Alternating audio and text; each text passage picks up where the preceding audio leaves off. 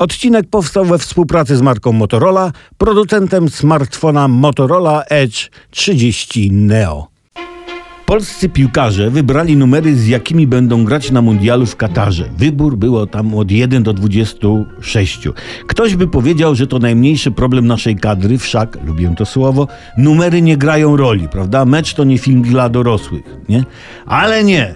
Ale nie, w Maglu, czyli na Twitterze, rozgorzała dyskusja i rozpaliły się kontrowersje w kwestii numerów polskich piłkarzy. Najwięcej mocy budzi przyznanie numeru 10 Krychowiakowi Grzegorzowi i numer 8 Damianowi Szymańskiemu.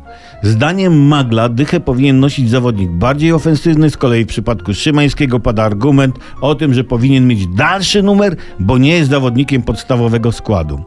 Kurczę, ja nie rozumiem po co te kłótnie. Przecież chodzi tylko o trzy mecze na mundialu. Trzy. No, ja bym na miejscu kierownictwa kadry i sztabu szkoleniowego, że tu wpadnę w taki oficjalny język, zatkał gęby maglowcom i przyznał zawodnikom takie nietypowe, nazwijmy to, numery, nie? Pogodziłoby to magiel, a i przeciwników wprawiło w dezorientację. Na przykład na koszulce dać, nie wiem, pierwiasty chrześcienny z zera minus 7,5 do potęgi 13 i 3 czwarte, sinus z 3, prawda? Logarytm z pół litra, 100 silnia i tak dalej, i tak dalej. Coś mi się zdaje, że słuchajcie, przez te kontrowersje związane z numerami zawodników my nie zostaniemy w tym roku mistrzami świata. Chyba nie, może w przyszłym roku.